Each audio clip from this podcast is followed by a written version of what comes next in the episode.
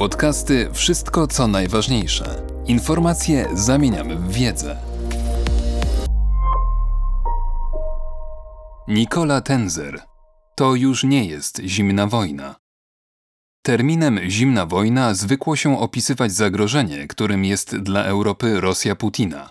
Tymczasem, jak to często bywa, uciekanie się do porównań historycznych zaciemnia nam obraz teraźniejszości, gdyż pod pozorem wyolbrzymiania zagrożeń tak naprawdę przynosi efekt odwrotny do zamierzonego. Porównywanie do zimnej wojny, jednej z najbardziej mrocznych kart w powojennej historii, osłabia naszą percepcję działań Kremla, których celem jest faktyczna destabilizacja sytuacji na świecie. Ograniczmy się do faktów. Zimna wojna była pod wieloma względami gorsza od tego, z czym mamy do czynienia dzisiaj. Ryzyko konfrontacji atomowej, o którym opinia publiczna zdaje się już nie pamiętać, wcale nie było bliskie zeru. Tamta zimna wojna była również momentami dość gorąca. Korea, Wietnam, Angola i tak. Była też w końcu naznaczona absolutną dominacją ZSRR nad państwami niegdyś wolnymi. Państwa bałtyckie, Białoruś, Ukraina, Gruzja, Armenia, Azerbejdżan albo przymusową ich integracją w ramach systemu sowieckiego, gdzie każda najmniejsza próba uniezależnienia się pociągała za sobą brutalne represje. Węgry, Czechosłowacja, Polska. Kraje te odzyskały niepodległość, a duża ich część należy dziś do Unii Europejskiej i NATO. Większość z nich doświadcza też cudu gospodarczego, w dużej mierze dzięki funduszom unijnym. Ci, którzy mówią dzisiaj o zimnej wojnie jako o okresie stabilnym i czytelnym, zdają się kierować jakąś nierozważną nostalgią. Okres ten był przede wszystkim okresem dominacji nad narodami, czasem pełnej kontroli ideologicznej i policyjnej w każdym aspekcie życia obywateli. Tylko Putin może żałować tamtej epoki. Dzisiejsza sytuacja jest zupełnie inna, ale przynosi całą masę zagrożeń, nierzadko poważnych, których nie dostrzegamy, siląc się za wszelką cenę na porównania z czasami zimnej wojny. Pierwsze zagrożenie wiąże się z dwoma błędnymi założeniami. Pierwsze założenie ma charakter ideologiczny. Wielu ludzi, uznając, że zakończenie zimnej wojny oznaczało również koniec konfrontacji doktrynalnej między demokracjami liberalnymi a systemem komunistycznym, przyjęło w sposób zupełnie karkołomny, iż do żadnej konfrontacji tego typu z nową Rosją nie będzie już dochodziło. Po części mieli rację, ale dotyczyło to jedynie prezydentury Jelcyna. Okres rządów Putina naznaczony jest już bowiem synkretyzmem ideologicznym, który sprowadza się do instrumentalnego stosowania polityki zagranicznej jako narzędzia wojny przeciwko zachodnim liberalnym zasadom politycznym. Drugie błędne założenie polega na złudzeniu, że brak jest jakiejkolwiek konfrontacji. Niektórzy twierdzą wręcz, że rosyjski reżim jest mniejszym zagrożeniem niż dawny ZSRR i że NATO postępowałoby w sposób anachroniczny, wskazując na dzisiejszą Rosję jako największy problem dla światowego bezpieczeństwa. Ta próba normalizacji reżimu i relacji, które z nim utrzymujemy, jest logiczną wypadkową naszego zaślepienia na doktrynalne tło działań Kremla. Reżim sowiecki chciał nawrócić świat na komunizm. Reżim Putina chce potajemnie zniszczyć podwaliny świata.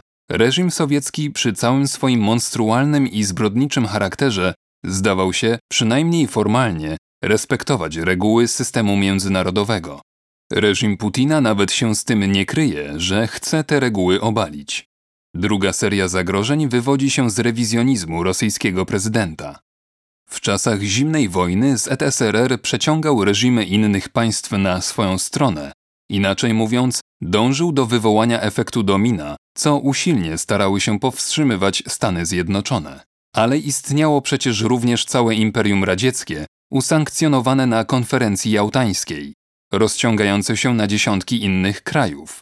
Obecny reżim rosyjski chce podważyć nie tylko rozpad ZSRR, który Putin określa mianem katastrofy, ale także zaprowadzić to, co zniósł upadek muru berlińskiego, a mianowicie strefy wpływów. Z jednej strony Moskwa prowadzi więc klasyczną politykę wpływów, zwłaszcza w Afryce, Republika Środkowoafrykańska, Mali i w Ameryce Łacińskiej, Wenezuela, nie dążąc jednakże do opanowania ideologicznego tych państw, lecz jedynie do ich destabilizacji, a z drugiej zwalcza liberalną zasadę wolności narodów z czego wynikają jej ataki na Gruzję i Ukrainę oraz poparcie dla Łukaszenki na Białorusi. Tak oto Rosja prowadzi gorącą wojnę, 14 tysięcy ofiar na Ukrainie oraz realizuje politykę chaosu i masowych zbrodni wojennych w Syrii. Doprowadziła także do pierwszej siłowej zmiany granic w Europie Krym od czasów aneksji Sudetów przez Hitlera. Trzecim zagrożeniem jest destabilizacja Zachodu poprzez wspieranie ugrupowań skrajnie prawicowych, kupowanie poparcia niektórych polityków jawiących się jako umiarkowanych oraz zachęcanie do działań przeciwko porządkowi publicznemu. Również w tym aspekcie jest wiele podobieństw, ale i wiele różnic w stosunku do ZSRR. ZSRR w ramach Kominternu wspierał ruchy komunistyczne i niektóre samozwańcze ruchy pokojowe. Stosując dawną technikę agitprop, rozszerzał radziecką propagandę, a nawet wspierał ruchy terrorystyczne i finansował agentów wpływu.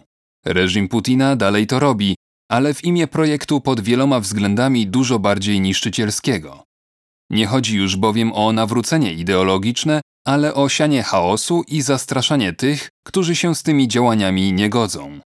Siła mediów społecznościowych i internetu wzmacnia ten przekaz, a demokracje zachodnie straciły zbyt dużo czasu, aby zareagować.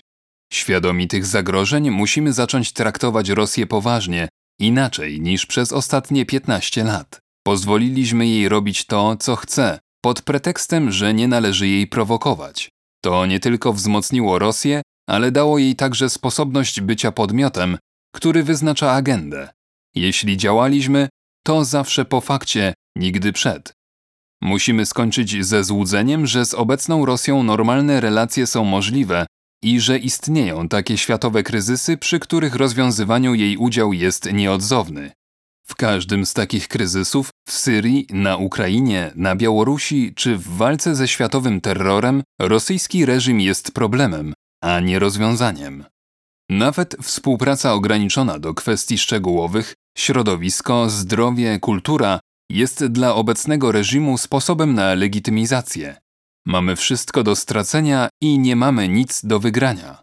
Powinniśmy w sposób masowy wspierać wszystkich tych, którzy walczą o wolność, Syryjczyków sprzeciwiających się zbrodniczemu reżimowi Asada, wspieranemu przez Moskwę i Teheran, Białorusinów trzymanych przez Rosję pod jarzmem Łukaszenki, Gruzinów i Ukraińców walczących o integralność terytorialną swoich państw.